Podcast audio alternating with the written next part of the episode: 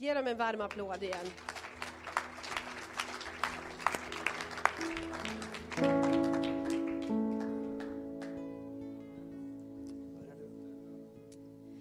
Hallå! Kanske ska börja med att presentera vem jag är. Och jag är Jacqueline. Eh, och jag har med mig en kamera idag för att jag tänkte att jag ska berätta ett litet vittnesbörd om den här. Den här har varit med om väldigt mycket förstår ni. Ehm, så i början av ettan på bibelskolan i september, jag tror att det var en vecka in eller något sånt där, så hade vi en härlig filmkväll med de nya eleverna. Ehm, och då hade jag med mig den här för att jag ville ta lite bilder och sådär. Det är ju mysigt. Ehm, sen så skulle vi ta bussen till stan efteråt för att vi skulle komma hem igen. Och då märker jag bara när jag är på väg eh, in till stan och redan sitter på bussen att kameran är borta. Och eh, den har jag fått av mina föräldrar så jag ville gärna inte liksom köpa en ny helst för att jag har ju fått just den här av dem om ni förstår vad jag menar. Eh, så jag blev väldigt ledsen. Men så bestämde jag för att jag ska gå i tro och jag ska be för att den här ska komma fram igen. Och jag kommer inte behöva göra någonting, jag kommer bara behöva vänta och den kommer komma fram på ett mirakulöst sätt. Så medan jag satt där på bussen så började jag att be då. Och så plötsligt kanske två minuter in i bönen så känner jag bara en frid och vet att nu har rätt person kameran. Jag vet att någon har den och jag vet att det är någon jag känner som kommer att ge tillbaka den till mig. Så när jag kommer hem så kommer min rumskamrat, Emilie heter hon, härlig norsk tjej, kommer till mig och bara, jag har en telefon till dig här. Och jag bara visste att okej, okay, det har med kameran att göra. Och då är det Akbar, heter han, en, en kille från vår klass som pratar. Och han säger bara att, ja, oh, jag har hittat din kamera. Och ja, jag, jag var så chockad. Alltså, även om jag vet att Gud, eh, att Gud jobbar så förstod jag ingenting av det här för att jag visste att jag hade haft med mig kameran till busshållplatsen. Så antingen hade kameran varit på busshållplatsen eller på bussen. Den kunde inte vara någon annanstans. Eh, och då började han att berätta världens story om vad han har varit med om den kvällen. Och han skulle helt enkelt bara gå hem till sig. Eh, han skulle ta en väg. Men plötsligt så är han på ett helt annat ställe.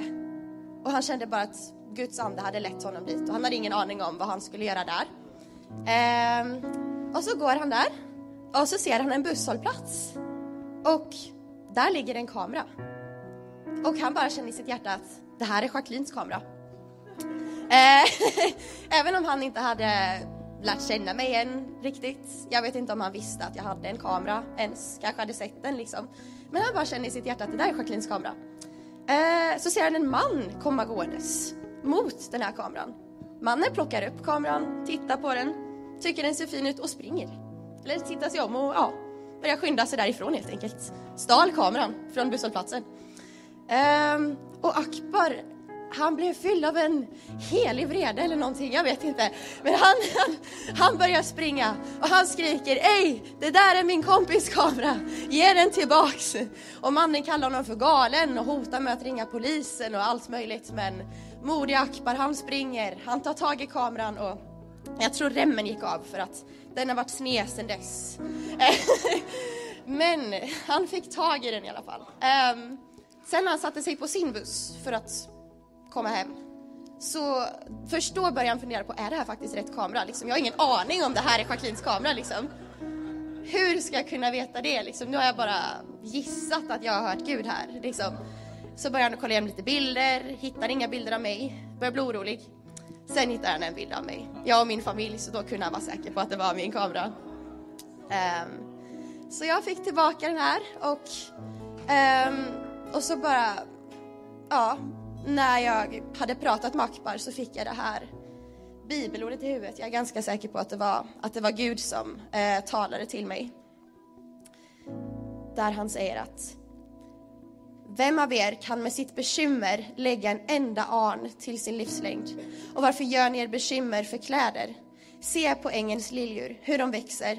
De arbetar inte och spinner inte. Men jag säger er att inte ens Salomo i all sin prakt var klädd som en av dem. Om Gud ni ger sådana kläder åt gräset, som idag står på ängen och imorgon kastas i ugnen, hur mycket mer ska han då inte klä er? Så lite tro ni har. Och för mig så var det verkligen Guds sätt att visa att om han bryr sig om min kamera, då bryr han sig verkligen om mig. Och då älskar han verkligen mig. Så det var en så, um, sån kickstart på bibelskolan bara, där Guds, Gud fick bevisa sin kärlek och då fick jag gå in med den, eh, med den glädjen av det, helt enkelt. Tack.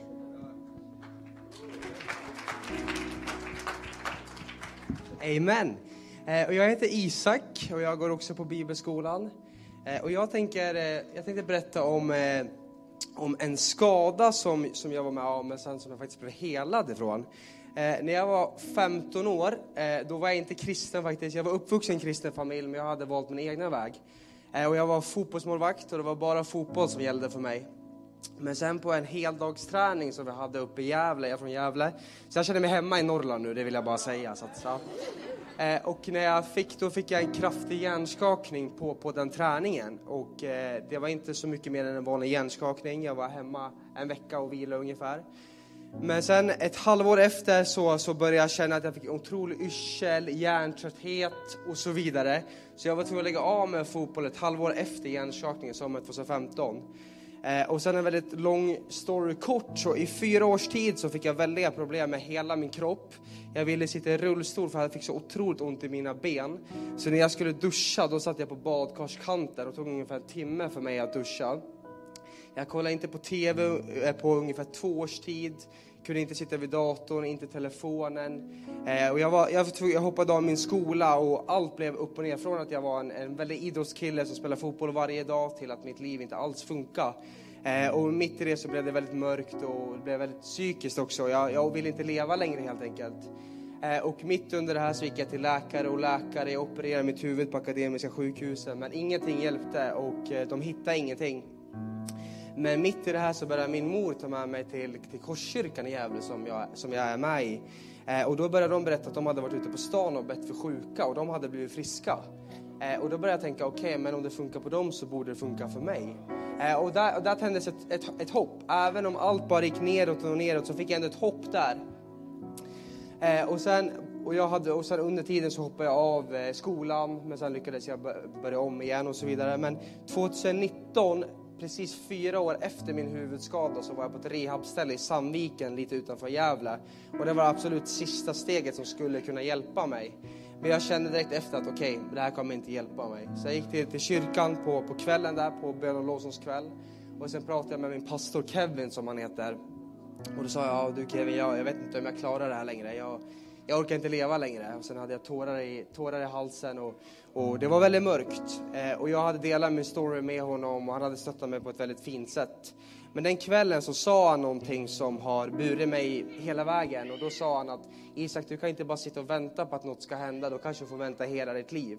Och då var jag 19 år och, och hade knappt börjat livet helt enkelt.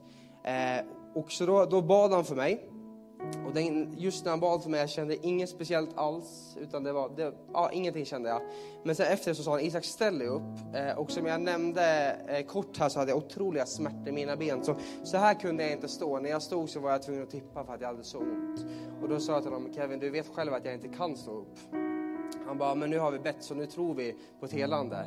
Och då sa jag, men jag tror inte på ett helande just nu. Det var så jag kände då. Och då sa han, men jag gör och det räcker. Eh, så till slut så ställde jag mig upp där, jag tog hans hand eh, och jag, jag, stod så här. Jag stod helt som vanligt i mina ben som jag inte hade gjort på, på flera års tid. Men jag var fortfarande jätterädd, eh, otroligt rädd var jag. Eh, men jag stod där och mina ben bar mig som de inte hade gjort på en sån lång tid. Och där så fick jag också tro på, okej okay, men nu gör Gud någonting. Eh, så vi fortsatte be och, och jag verkligen kände, jag var så chockad, så rädd men jag kände som sagt att någonting händer.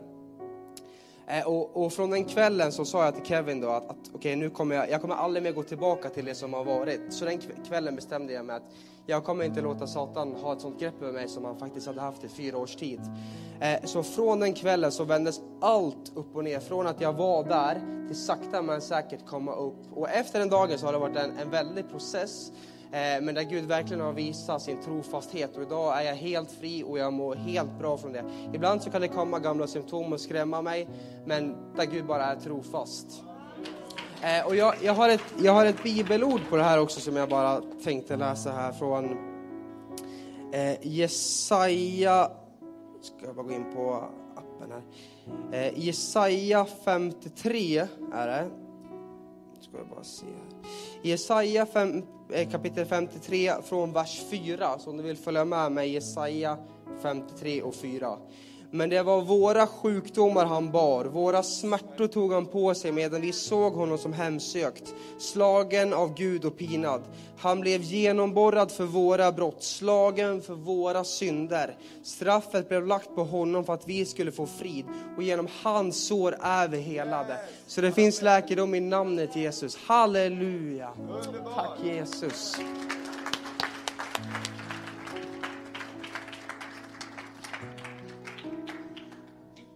Hello. Hej! I'm gonna take it in uh, English Jag kommer ta det på engelska, because I am from Czech Republic för att jag kommer från Tjeckien. and I speak Swedish very not good enough for this. Och jag pratar inte bra nog svenska för att ta det på svenska. uh, but I should uh, speak today about the Bible school Men idag ska jag prata om bibelskolan and why you exactly should also go. och varför just du också ska gå. Because for me, uh, coming to Bible school was a huge step of faith. För att för mig så var det att gå till bibelskolan en akt i tro. Moving few hundred kilometers away from my parents for the first time of my life. Att flytta ifrån mina föräldrar eh, för första gången i mitt liv. with uh, several complications on the way. Med väldigt många problem på vägen. But uh, it was the best year of my life. Men det har varit det bästa år i mitt liv. I never regretted the decision. Jag har aldrig ångrat mig. And uh, if you think that it's only for young people, Men om du tror att det bara är för unga människor, only for people who are perfect, bara för perfekta människor, who have uh, already so much faith to do it, som redan har så mycket tro för att göra det, it is not true. då är inte det sant. I believe it's for everyone. Jag tror att det är för alla. It's for everyone who feels the hunger for more of God. Det är för alla som har en hunger att få mer av Gud. And I want to share some points Och jag vill dela några punkter that are the reason for why you should go. som är anledningen till att du ska gå. And the first one is Och den första är that you come into faith-filled atmosphere. att du kommer in i en tro, en, en atmosfär av tro. Because when I came to Sweden, För att när jag kom till Sverige uh, I came from a not very good family, så kom inte jag från en så bra familj. filled with fear, Den var full av rädsla, filled with wrath eh, full av vrede and hatred. och hat. And uh, this atmosphere, full of hope and faith, Och den här atmosfären full av hopp och tro, full of love, full av kärlek never blaming each other, och att aldrig skylla på varandra, it was healing my heart slowly. det läkte mitt hjärta. The other point that I want to highlight Och den andra punkten som jag vill eh, ta upp is that you will experience God in real life. är att du kommer att uppleva Gud i verkligheten, i vardagen. You will experience that He is a living God.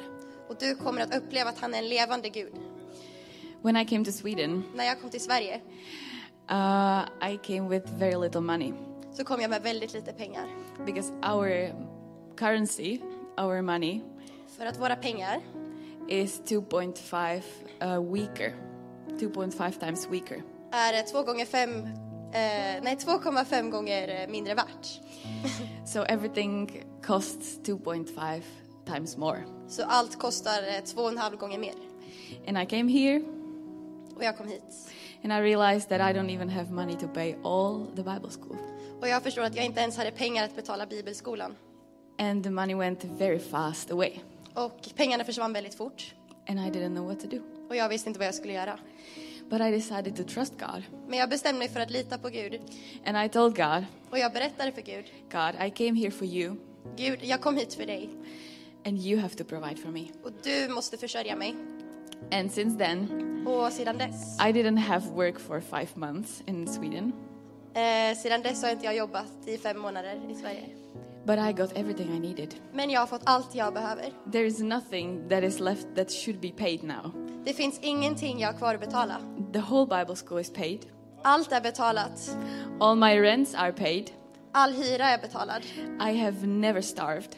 Jag har aldrig svultit.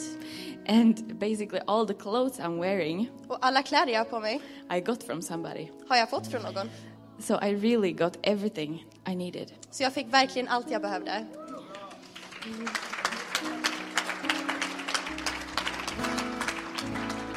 But this is not everything. Men det här är inte allt. The third point I want to share Den tredje punkten jag vill dela is that you will give God time. är att du kommer ge Gud av din tid.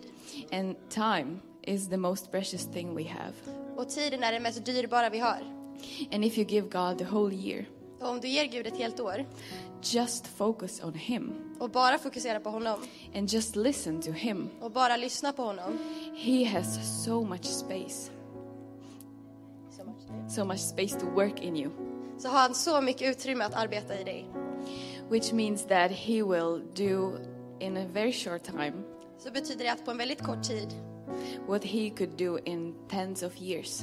kommer han göra så mycket mer än det han hade kunnat göra på tio år. For me, För personally, mig, för mig personligen uh, I brought to Bible school so many problems inside of me. så tog jag med mig så mycket problem inom mig till bibelskolan. I had fear of people. Jag hade rädsla för människor. I come from a dancing background, Eh, Jag kommer från en eh, dansande bakgrund. so I had I brought with me um, eating disorder. Så jag tog med mig en eh, ätstörning. I brought with me uh, hatred towards myself, Jag tog med mig hat emot mig själv. very low self-esteem, Väldigt dålig självbild. a hurt in my heart, un, un, unforgiveness towards my parents, Jag hade en oförlåtelse mot mina föräldrar i mitt hjärta. and so many different things. Och så många olika saker. And God worked during the whole year, and He healed my heart. Och Gud har jobbat genom hela året och han har helat mitt hjärta. Now I can say that um, I actually like myself. Nu kan jag faktiskt säga att jag tycker om mig själv.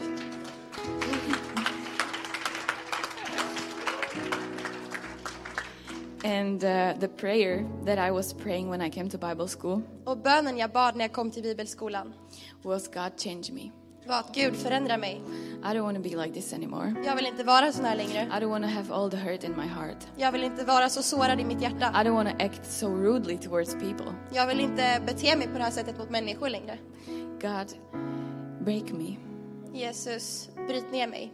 Try what is inside of me Testa det som är inuti mig. and make me the best version of myself. Och gör mig till den bästa versionen av mig själv. And this prayer is very dangerous Och den här bönen är väldigt farlig. because God loves to do all these things. För att Gud älskar att göra sånt här. So I was broken. Så jag var förstörd. Uh, God was really squeezing me Gud sometimes. klämde verkligen ihop mig. And it really hurted, I have to say. Och det gjorde verkligen ont, det måste jag erkänna. But very beautiful things were on the way. Men väldigt vackra saker var på väg. And I want to encourage you Och jag vill uppmuntra dig. there is nothing that you can lose Det finns ingenting som du kan förlora if you decide to go to Bible school. om du går till bibelskolan. No, no money. Jag hade inga pengar, God will give you everything. men Gud gav mig allting. Det kommer han också göra med dig. There is nothing that you can lose. Det finns ingenting som du kan förlora. I thought that I'm to lose so many things when I left Czech behind me. Jag trodde jag skulle förlora så många saker när jag lämnade Tjeckien bakom mig. And I got a hundred times more than I could ever imagine. Och jag fick hundra gånger så mycket jag någonsin kunde ha föreställt mig. And I am I'm so grateful that I didn't listen to my parents who told me to not go to Bible school. Och jag är så tacksam att jag inte lyssnade på mina föräldrar som sa att jag inte skulle gå till bibelskolan. And I love them and they are the best, but uh, God has always better plans. Och jag älskar dem och de är bäst, men Gud har alltid bättre planer. And I just want to encourage you Och jag vill bara uppmuntra dig. that Bible school is for you. Bibelskolan är för dig. If you feel in your heart that you want to experience God, Om du känner i ditt hjärta att du vill uppleva Gud. you want to know who He is, Du vill veta vem han är. You want Him to change your heart. Om du vill att han ska förändra ditt hjärta. You want Him to do something in your life. Om du vill att han ska göra något i ditt liv. Just trust Him. Bara lita på honom. Just step on the water Bara gå ut på vattnet and go, och gå. as Peter did. Som Peter gjorde. Petrus, He stepped on the water han gick på vattnet and he walked. Och han gick. Yes, there was a fall on the way, Ja, han föll en gång. but there was Jesus. Men då kom Jesus Peter wasn't alone. och Petrus var inte ensam. And Jesus took him up back on his feet. Och Jesus tog tillbaka honom upp på sina And he, fötter. he didn't carry him back to the, to the boat, Och han bar inte tillbaka honom till båten. but Peter walked on the water again, even back. Petrus gick tillbaka själv. So I want to just encourage you Så jag vill bara uppmuntra er igen. Go to Bible school. Gå till bibelskolan.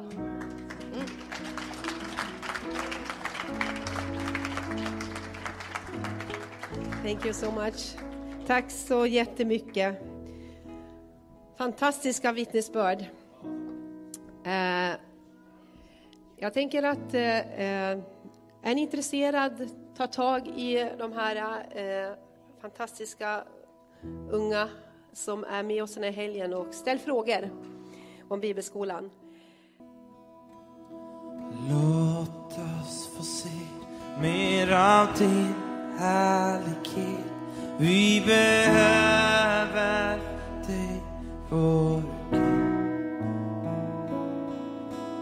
Med våra liv vill vi spegla din bild. För din ära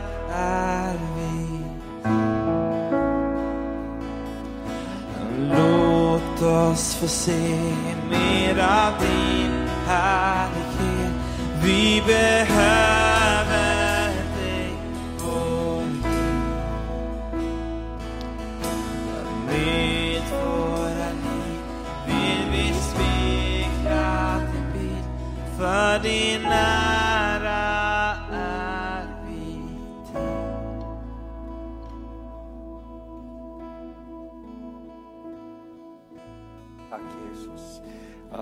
Tack helige Ande för din närvaro på den här platsen den här förmiddagen Herre. Vi har inte kommit för vår egen skull först och främst utan vi har kommit för din skull Herre.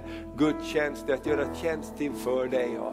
Tack att du hör hjärtats tysta bön men du hör också vår lovsång, vår tillbedjan till dig. Tack Herre att du finns på den här platsen och tack för de här fantastiska vittnesbörden vi har fått höra om hur du är trofast, hur du förvandlar, hur du kan hela, hur du kan bara hjälpa i alla möjliga och omöjliga situationer. Herre vi bara tackar dig, kom Herre med din ande över ditt ord idag, låt det vara mat för vår invärtes människa. Låt det vara liv som strömmar Herre, i Jesu namn. Amen, amen. Underbart. Vi ska prisa Gud lite mer senare här för vi ska ta tid att be tillsammans och be för varandra. Låta det härliga bibelskoleteamet vara med och be för alla. Nu har vi också barnkyrkan som har startat där. Eh, du kan gå tillsammans med, med, med dina föräldrar om du är barn. Och också efter här eh, gudstjänsten så har vi en träff med föräldrarna inne i barnkyrkan. Vi är så tacksamma för att allting håller på och sakta mak. Ska vi ge de här vännerna en applåd också som har hjälpt oss att prisa Gud? Amen, så bra. Visst är det bra? Tänk om man hade ett lovsångsteam hemma alla ibland och varje dag så säger de kom igen nu prisar vi Gud. Amen, men vi kan göra det i alla fall. Tänkte det också, det är så kul att vi kommer igång mer och mer och den här veckan har vi faktiskt beställt dörrar också till alla dessa hål som du ser här. Så låt oss bara be att de kommer fram i tid och att vi bara får all utsmyckning och alla detaljer på plats så småningom här också. I fredags så fylldes den här platsen av ungdomar från hela stan. Det var fullt av ungdomar, det var det första ekumeniska one way ungdomsmöte efter pandemin faktiskt på ett och ett halvt år och och det var så härligt. Såg bilder, det var fylldes av ungdomar från hela stan här. Och tack gode Gud att vi får vara med, eller hur? Att vi får använda den här platsen till, till att betjäna människor.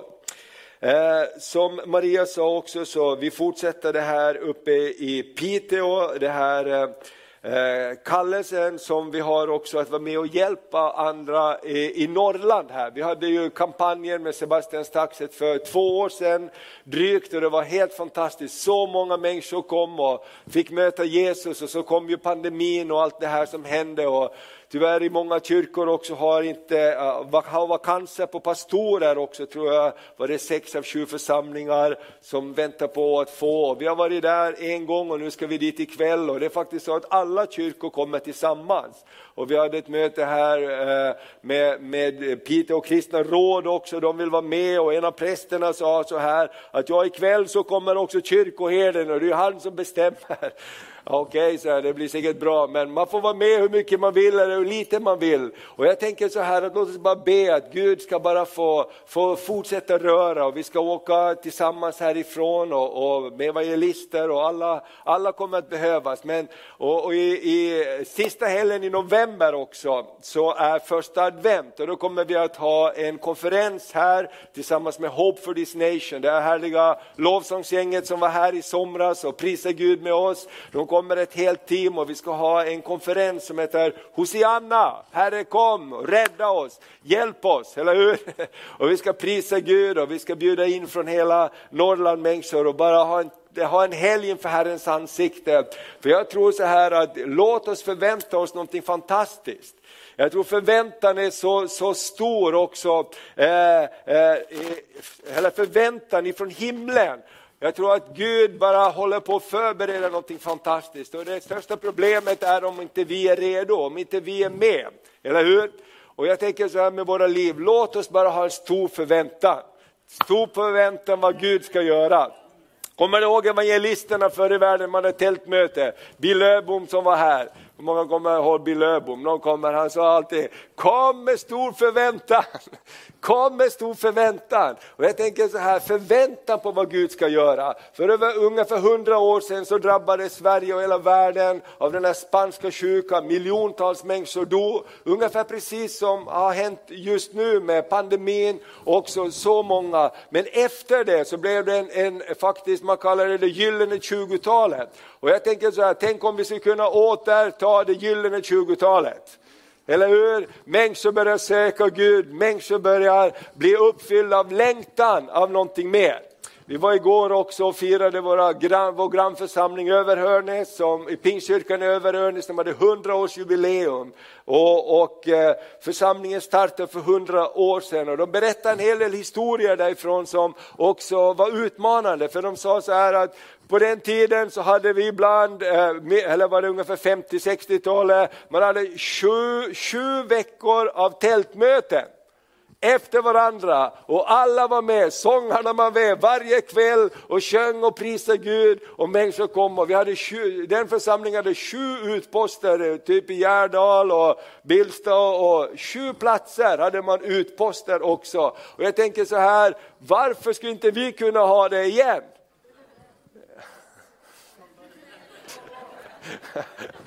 Jag tänker så här, hur var det för folk då? Hade de jättemycket tid? Ja, men hade, ko, hade, hade de mjölkmaskiner i laggårdarna? Hade de jättestora traktorer och alla grejer? De hade inte, det var inte mycket då, utan det var ännu mera av olika saker. Men jag tänker när någonting händer, när, när någonting händer på insidan, någonting händer så, så blir det andra förutsättningar också. Och jag bara tänker så här, låt oss bara ha förväntan att Gud ska beröra Sverige.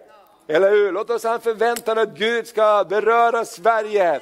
Amen. Jesus kommer att komma till gatorna i, i detta land och beröra vårt land igen. Amen, det är därför vi håller på. Jag tänker det är så viktigt att vi bara påminner oss själva om varför, varför, varför vi gör det. Vi har en, en dröm. Och jag tänkte bara få dela en liten stund med dig, några bibelord och sen ska vi be tillsammans och prisa Gud också. Och idag så, så vill jag dela en fortsättning av det jag talade om för några söndagar sedan, om, om hjärtat och vår mun. Och eh, därför det har en stark koppling faktiskt, det som händer i våra hjärtan och det som kommer ut ur våra munnar. Och eh, det du fyller dig med, det kommer ut ur oss. Mm, det är bara så, det vi fyller oss med det kommer ut ur oss och det ska vi prata. Och vi har ju ett tema den här hösten, närmare Jesus, närmare varandra, ut till andra för att betjäna andra människor också. Och eh, det är inte det, Jesus säger så här, det är inte det som kommer in genom munnen som orenar, utan det är det som kommer ut ur den som hjälper eller hjälper. Och det ska vi prata om idag. Tror ni att vi klarar det? Okej, okay. på ditt ord så går vi på. Hjärtat och munnen hänger ihop. Det första bibelordet är Romarbrevet 10 och vers 9 och 10 och det är också dagens bibelord på bibelappen. Om du har bibelappen så kommer det upp dagens bibelord. Jag blev så glad när jag såg det här också. Romarbrevet 10 och vers 9 och 10 säger så här.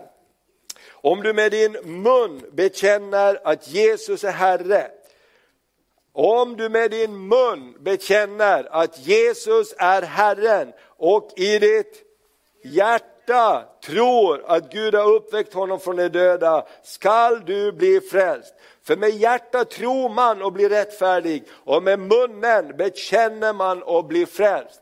Hjärtat och munnen hänger ihop. Det som händer i våra hjärtan, det kommer ut i våra munnar och det som kommer ut ur våra munnar kommer in i våra hjärtan. Eller hur? Därför tron föds av det vi hör runt omkring oss. Och man kan säga att hjärtat är livets motor. Och det andra bibelordet som vi ska läsa är från Ordspråksboken 4. Och det här är ju en av de här verserna känner vi till, för vi brukar ofta säga det att vi ska bevara vårt hjärta, därifrån utgår livet. Men det är så intressant att se vad de här verserna runt omkring också säger. Så i vers 20 så står det så här. Min son, ta vara på vad jag säger. Vänd ditt öra till mina ord.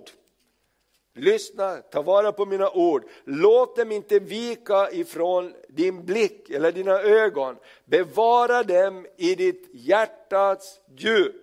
För det är liv för dem som finner dem och läkedom för hela hans kropp.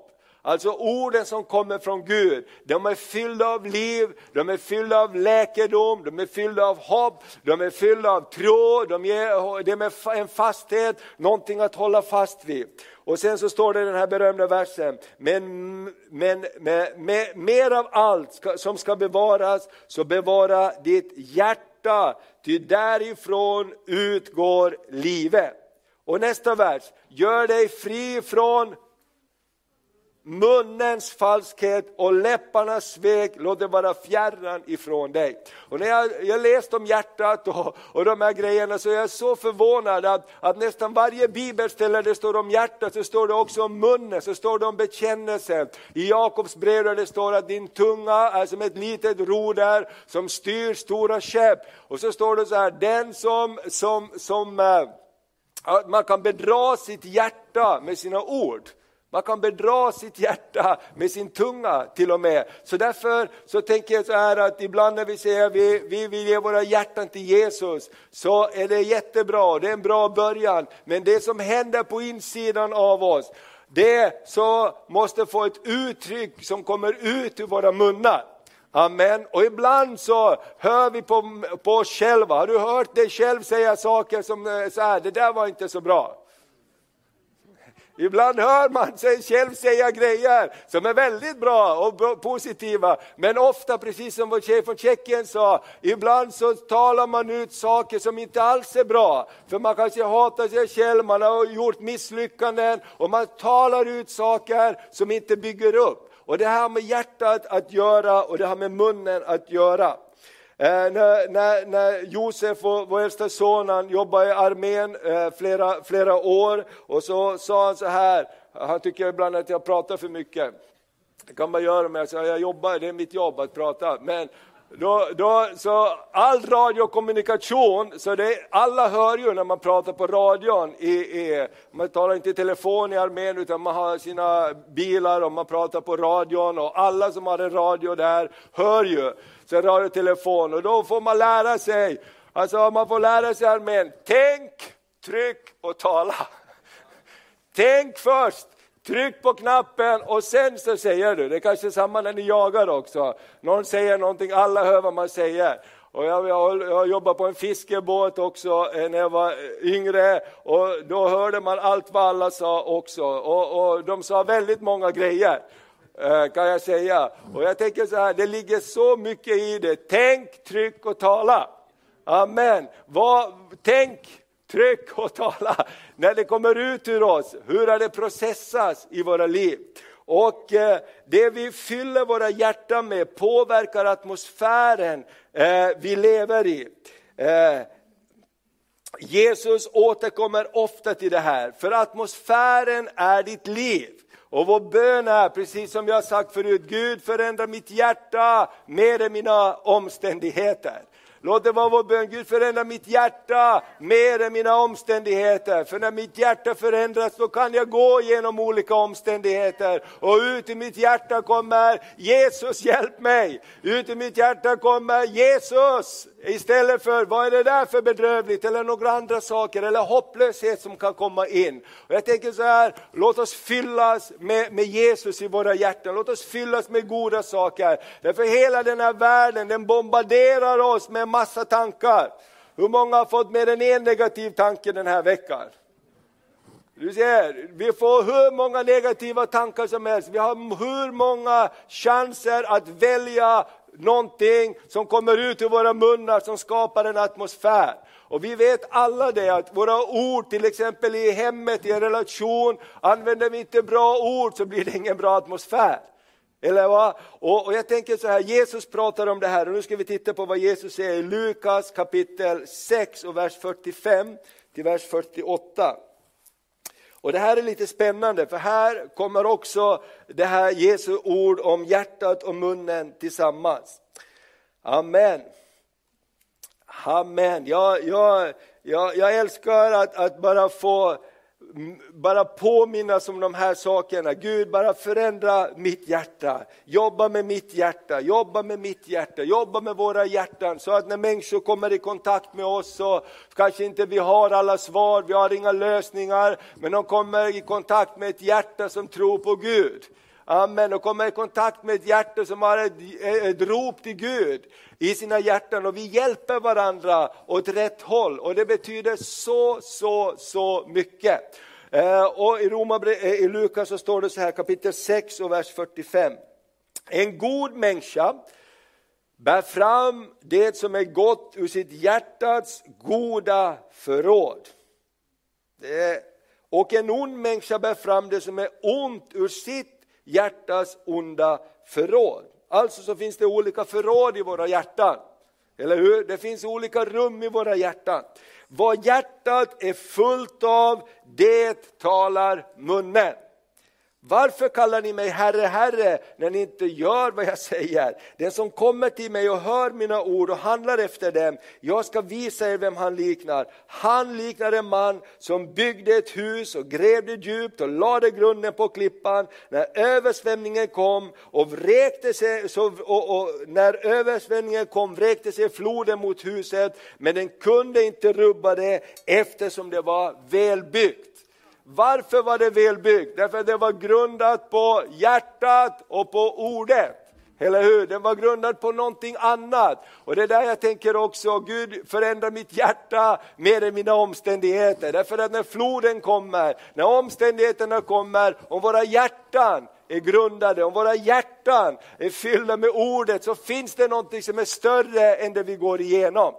Amen. Och jag bara tänker så här, den atmosfär som vi lever i, det är våra liv faktiskt. Atmosfären är våra liv. Amen. Och det är faktiskt så att, att när vi börjar älska, Jesus sa, älska din nästa så som dig själv. Älska din nästa så som dig själv. Och jag vill bara understryka det Maria sa, på torsdagskvällar så har vi en kväll som vi kallar Team Night. Det är inte bara för team på något sätt, det är för alla. Och vi, vi börjar klockan sex och då fikar vi, har gemenskap, bara delar livet, pratar med varandra, uppmuntrar varandra eller gråter med varandra om det behövs. Och sen så har vi en timme när vi bara prisar Gud. Vi bara lovar Gud och vi, vi, vi delar goda ord av uppmuntran ifrån Guds ord och vi tar tid att be för varandra, betjäna varandra. Precis som Maria predikade om för, för, för ett tag sedan, låta Jesus tvätta våra fötter. Och jag tänker så här, vi har sett det här att det är så viktigt att vi tar in, annars blir församlingen en arbetsplats. Annars blir församlingen en plats där jag bara gör saker men inte tar emot saker. Eller hur? Och då blir det väldigt tungt. Och jag tänker så här, ibland när det kommer ut ur oss gnäll. Har någon, känner någon igen det? Jag har gnällt ibland. Och då kan man bara fråga sig, varför kommer det gnäll ut ur mig? Är det Jesus som gnäller? Okej, okay. det är kanske inte Jesus som gnäller. Vad ska jag göra åt gnället då? Ja, men kanske Jesus säger, kom till mig alla ni som är tyngda av bördor, så ska jag ge er frid. Och, eh, eller hur? Kom till mig, säger han. Kom till mig så ska jag ge er frid. Och, och, och jag tänker så här, jag, jag, bara tror att för det som ligger framför, om vi verkligen tror att vi kan få bönesvar på våra böner, att Jesus ska beröra vårt land, så behöver vi väldigt mycket själv. Vi behöver väldigt mycket så att vi kan ösa ur en källa där Gud har rört våra hjärtan. Eller hur? Där vi inte har alla svar, där vi kanske själv säger att jag, jag är också bruten, jag söker också någonting, jag behöver också ha mera. Amen. Och vet du vad, jag, jag läste om Jongi Cho här som gick bort, eh, eller han gick hem till Herren och han har ju en fantastisk eh, livsstory hur han bara började ett litet tält och han började se någonting, började höra någonting, började uppleva att Gud talade till honom och han började predika i det här lilla tältet och han började tala ut Guds löften och Guds ord till människorna. Och det var en liten kvinna där som bara lyssnade för han sa, jag har hemligheten till välsignelse över ditt liv. Och den där kvinnan hon tyckte det var fantastiskt. Och så följde hon efter honom på smyg efteråt när han gick hem. Och han, hon såg ju att han gick hem till ett lika dåligt hem som hennes. Och så, och så sa hon, du sa hon, vad, vad är det du pratar om? Du har ju inget, inget mer än någon annan av oss, du är exakt lika fattig som vi. Och då säger han det här, kom låt oss tillsammans söka Guds välsignelse. Och jag tänker så här är det ju, Guds ord är fyllt av löften, Guds rike är fyllt av löften. När vi talar ut olika saker betyder det inte att vi redan har det. Eller hur? Men vi har sett det på insidan, vi längtar efter det. Jag tänker det här hjärtats bön, hjärtats lovsång till Gud. Vad gör det? Det skapar en atmosfär där vi ser någonting, vi fröjdas över någonting, så som om vi redan har det. Eller hur? Tänk att bli, bli bara glad över frälsningen, bli glad över himlen. Det är helt underbart. Och så kommer någon och frågar, var är himlen? Ingen aning. Eller hur? Ingen aning vad himlen är för himlen, jo men det är här uppe. Och så vidare. Är det någon som har varit i himlen? Peter var på väg men han kom tillbaks. Ja men tack för det. Men, men vi har ju inte varit i himlen, vi har inte satt våra fötter i himlen, men vi har himlen i våra hjärtan, eller hur? Vi kan uppfyllas av en sån inre salighet och tacksamhet. Och jag bara längtar efter att få se de här underbara frälsningstillfällena när människor lämnar sina liv åt Jesus och vi bara blir uppfyllda av tacksamhet. Så kul att läsa Christian om din brorsa också i världen idag. Eh, och, och, och, och eh, Markus, precis, hur han, han, han blev frälst, hängde kring och, och, och till sist så, så bara upplevde han Guds kärlek. Varför? Därför att när han började sälja världen idag så ringde han till en massa kristna människor som berättade för honom om hur Gud, god Gud är. Eller hur? Han, han, han skulle sälja tidningar men han fick en väldigt bra kundgrupp för de hade upplevt någonting. Amen. Och jag tänker så här, det vi är uppfyllda av, det pratar vi om. Amen. Så jag bara vill uppmuntra dig, var med och fyll på, kom på torsdagskvällarna, annars så blir det jobbigt. Eller hur? Kom och fyll på, kom och få förbön, kom och be och välsigna varandra så händer det någonting jättebra. Vad, vad gör du med det som kommer emot dig? Det du hör och det du ser, vad gör du med det? Vad, vad, hur, hur tar du hand om det som kommer emot dig? Och eh, Vi ska läsa om det. Det var så här också att Luther sa så här. Ingen kan hindra en fågel att flyga över ditt huvud, men alla kan hindra dig att bygga ett bo på huvudet. Det betyder att vi kan inte hindra tankar som kommer, vi kan inte hindra en massa grejer som flyger genom luften, men vi har ett ansvar. Vad gör vi med det? Hur sorterar vi saker? Vad öppnar vi dörren för? Vad stänger vi dörren för? Och alla vet vi precis hur det här fungerar. När vi börjar öppna hjärtats dörr för saker som inte lyfter upp oss, så börjar det dra ner oss. Eller hur? När vi börjar öppna hjärtats dörr för, för saker som, som är negativa så börjar det dra ner oss och då behöver vi hjälpa varandra. Eller hur? Då behöver vi komma till korset, då behöver vi uppmuntra varandra. Och därför tänker jag lovsången är så viktig. Och jag sa här innan, innan när vi börjar, låt oss alla vara med och prisa Gud idag. Eller hur? Låt oss inte sätta all press på stackars lovsångsledare och se hur de ska klara sig idag. Eller hur? Utan låt oss, vara pri ja, pri vi, ja, låt oss prisa Gud med allt vårt hjärta. Amen. Och se till att lovsångsledarna ibland får säga, vad, vad händer i kyrkan? Tänk om det skulle vara bra, de slutar spela och alla bara fortsätter sjunga. Amen. Och jag tänker så här, jag, jag, bara, många tycker att, att Maria eh, säger alltid till mig att jag hör så mycket. När vi var åkte på den här resan runt jorden, hon skulle spela in lovsång. Ja, på varje filmklipp jag har, det är bara dig som hörs.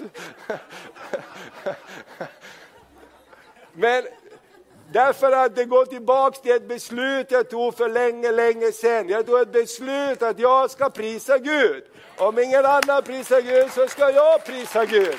Amen. Och jag tänker sådana här saker hjälper oss, därför det, det tvättar våra hjärtan också. Det tvättar våra hjärtan också. Och jag säger gode Gud, hjälp oss att vi inte hamnar i den situationen att jag inte behöver prisa Gud. Ah, jag, har, jag vet, jag har det så bra, jag behöver Gode Gud hjälp oss att vi är i nöd. Eller hur? Gud, jag prisar dig. Och vi pratade om böner med er det teamet en, en dag. Jag sa, för mig är inte bön liksom ett alternativ att jag ber. För mig är bön en överlevnadsstrategi. Amen. Och ibland så utsätter jag mig för saker för att jag vet att jag måste ha Guds hjälp. Ärligt sagt, för jag vill inte bli en som inte behöver Gud. Och det är vårt kanske största bekymmer idag. Och jag ser speciellt eh, vi som har kommit en bit i livet, vi har det lite bättre, vi har våra hus och vi har ordning på vissa grejer som vi kämpar med förut. Någonstans är det så här, åh, det går ganska bra nu. Det är livsfarligt. Gud vill välsigna oss, men läs Bibeln. När Gud välsignar dig, när du har hur vackra hus att bo i, när jag välsignar dina händers arbete, glöm inte varifrån välsignelsen kommer. Glöm inte att det är jag som välsignar dig. Jag gav dig kraft att arbeta, jag gav dig kraft och mod. Jag tror det är så viktigt och jag bara tänker på gamla testamentets story. Vi lever idag i frukten av tidigare generationers offer. Vi lever idag på grund av tidigare generationer, de bröt igenom, de gjorde saker som vi inte gör idag. Och vi lever i frukten av det, av välsignelsen av det faktiskt.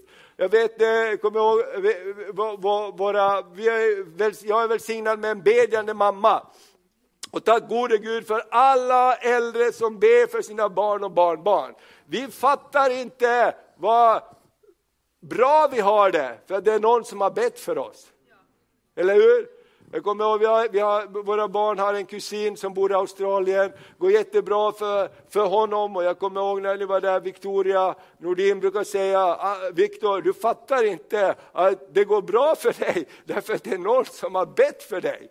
Du fattar, du tror att det bara går bra för dig för att det bara går bra för dig. Det finns en orsak varför det går bra för dig. Det är tidiga generationers välsignelser. Och jag bara känner så här, låt oss inte vara lika dumma som i gamla testamentet. När Gud välsignade dem, när de tillbad Gud och de vände sig till Gud. Gud räddade dem från alla fiender, Gud välsignade dem. Och när de blev välsignade så glömde de Gud.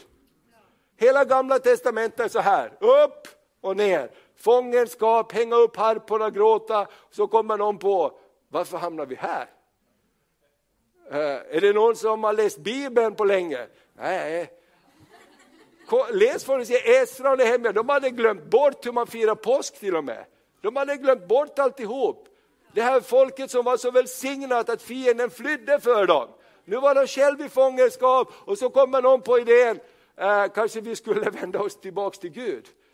Det är ju han som är vår välsignelse. Och jag tänker så här, låt det vara vår bön i, i, i våra liv, i mitt liv, i våra liv, för Sverige. Gud, låt oss komma tillbaks till dig, låt oss vara hungriga efter dig igen. Låt våra hjärtan börja beröras av mer än det som händer runt omkring oss. Amen, för då kommer det bra saker att ske. Och så ser mm, så här, vi läser Matteus 15. Amen, Matteus 15. För här är också munnen och hjärtat i, ihop. Eh, nej, men det var inte Matteus 15 vi skulle läsa, utan vi skulle läsa någonting annat. Har vi läst Matteus 15?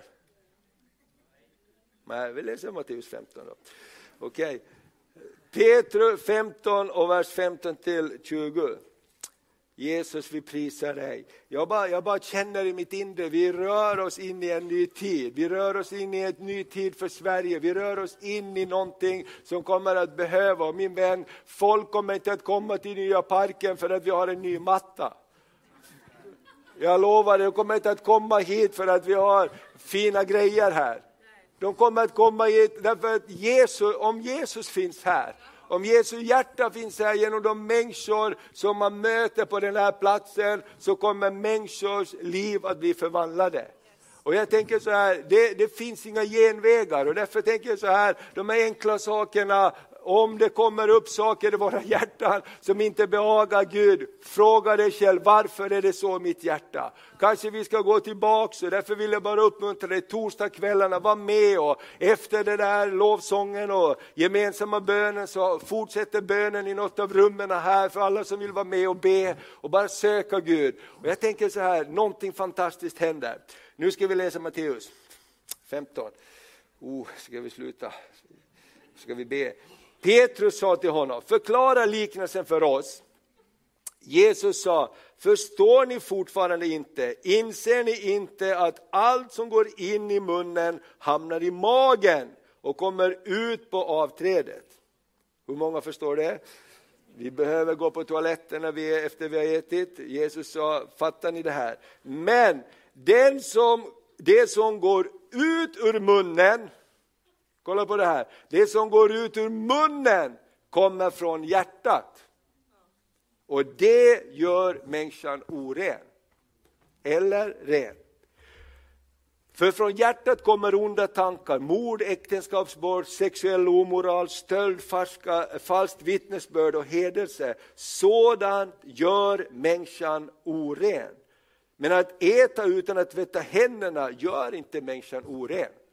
Därför alla var så inkopplade på det yttre.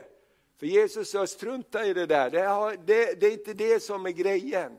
För, för, för de blev så fokuserade på, på, på de yttre sakerna. Och jag, tänk, jag har tänkt på det ordet, det är inte det som kommer in genom munnen, utan det är det som kommer ut genom munnen som påverkar oss mest. Amen. Och därför ska vi ha Eh, en tid av lovsång, vi ska prisa Gud, vi ska hjälpa varandra. Amen. Det du ber för får du hjärta för. Det du har hjärta för, det får du tid för. Det du ber får för, det får du hjärta för. Och det du har hjärta för, det får du tid för. Vi pratade med några igår där äldre vänner och de sa så här, idag så har vi knappt tid, vi har knappt tid en gång i veckan att komma till gudstjänst. Vi har knappt tid en gång i veckan att komma till gudstjänst. Vi är så upptagna med så många saker. Och så pratar man om hur det var förr och alla har en sån här romantisk skimmer över hur bra det var förr. Men tänk vad som hände för någonting hade hänt med våra hjärtan. Och jag tänker så här, låt Gud röra våra hjärtan. Därför att om någon tvingar någon till någonting så blir det aldrig bra. Om någon säger att du måste göra det och det, så bara gör man inte bara för att någon har sagt att jag måste. Eller hur? Man bara liksom eh, tvärtom. Peter, du känner igen det där va? Eller hur? Det blir inget bra. Men när det kommer inifrån, när Gud får röra våra hjärtan, så blir det på någonting helt annat sätt. Amen. Vet du, det är så många som behöver det du har. Kärleken är en drivkraft. Vad du än älskar, om du älskar Gud eller världen, allt du ger din uppmärksamhet till växer. Paulus hade en medarbetare i många år som han skriver om, han heter Demas. Men en dag så fick Demas ett annat fokus och han skriver så här, Demas har övergett mig för han fick kärlek till den här världen och han reste till Thessalonike. Jag tänker så här, jag vill inte tappa mitt hjärta.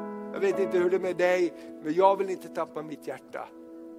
För det enda vi har som kan beröra andra, det är det som händer på insidan av våra hjärtan. Amen. Och jag tänker så här, om vi är liknöjda med att världen går förlorad, så är det något fel på våra hjärtan. Eller hur? Om vi, om vi är mer oroliga om våra arbeten, om våra hus och våra hem än vad som händer med människor runt omkring oss, så då bara är mitt hjärtats bön, Gud förändra mitt hjärta. Jag vill inte vara likgiltig för det som händer runt omkring mig. Och jag tror likgiltigheten kanske är den största faran för oss idag. Att likgiltigheten griper tag om våra hjärtan och det här hjärtats rop som kommer. Därför vet du vad, när någonting händer på insidan av dig, då blir det inte svårt. Det blir inte tungt, det blir inte långt, utan man är redo att gå, man är redo att resa, man är redo att betala ett pris. Därför att Gud säger så här i Bibeln också, jag ska sända hunger inte efter vin och bröd, utan efter att lära känna mitt ord. Eller hur? Jag ska sända en sån hunger efter att lära känna mitt ord, lära känna Gud. Någonting annat får en prioritering. Och jag tänker så här, låt oss ta en stund och bara prisa Gud och lova Gud och ge våra hjärtan till Gud och låta Gud röra vid våra hjärtan och låt det vara vår hjärtans bön den här veckan. Gud rör vid mitt hjärta. Gud rör vid mitt hjärta mer än mina omständigheter. För jag vill vara en som är med och förändrar atmosfären. Gud kallar oss inte att vara termos, termo, termometrar. Vi är experter på att vara termometer. Jag känner det lite kallt här.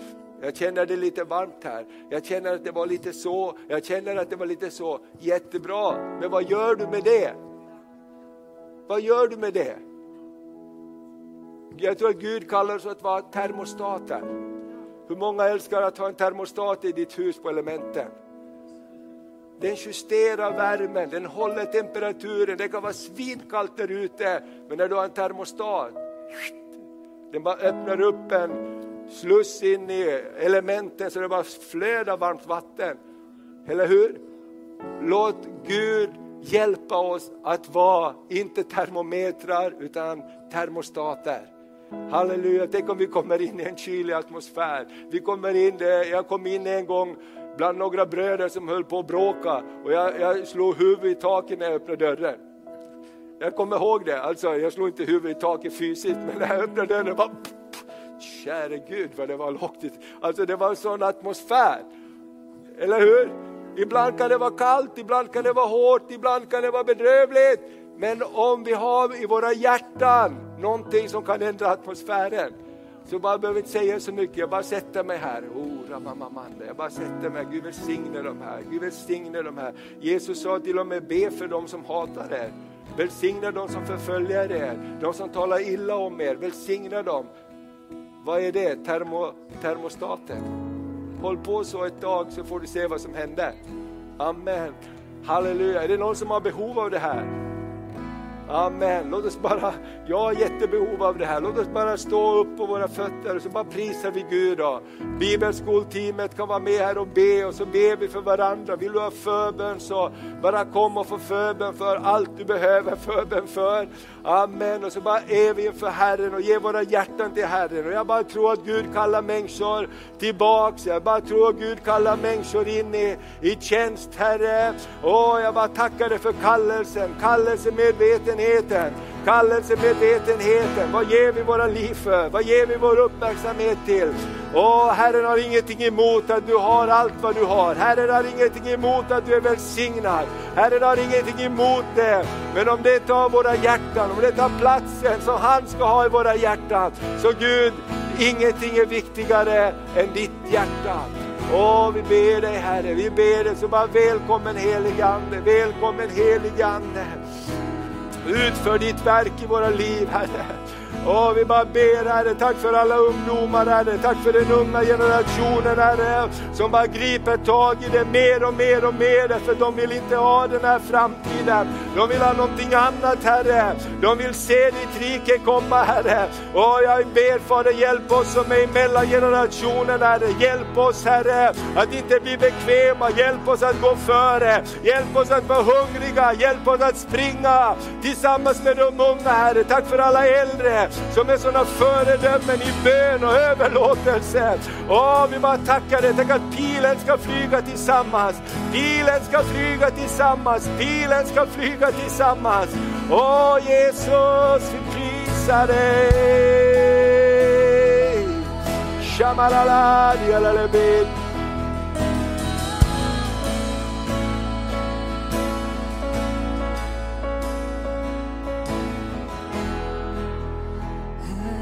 Vi ber. Ge oss ett ödmjukt sinne och skapa i oss en längtan att ära dig. Låt oss få se mer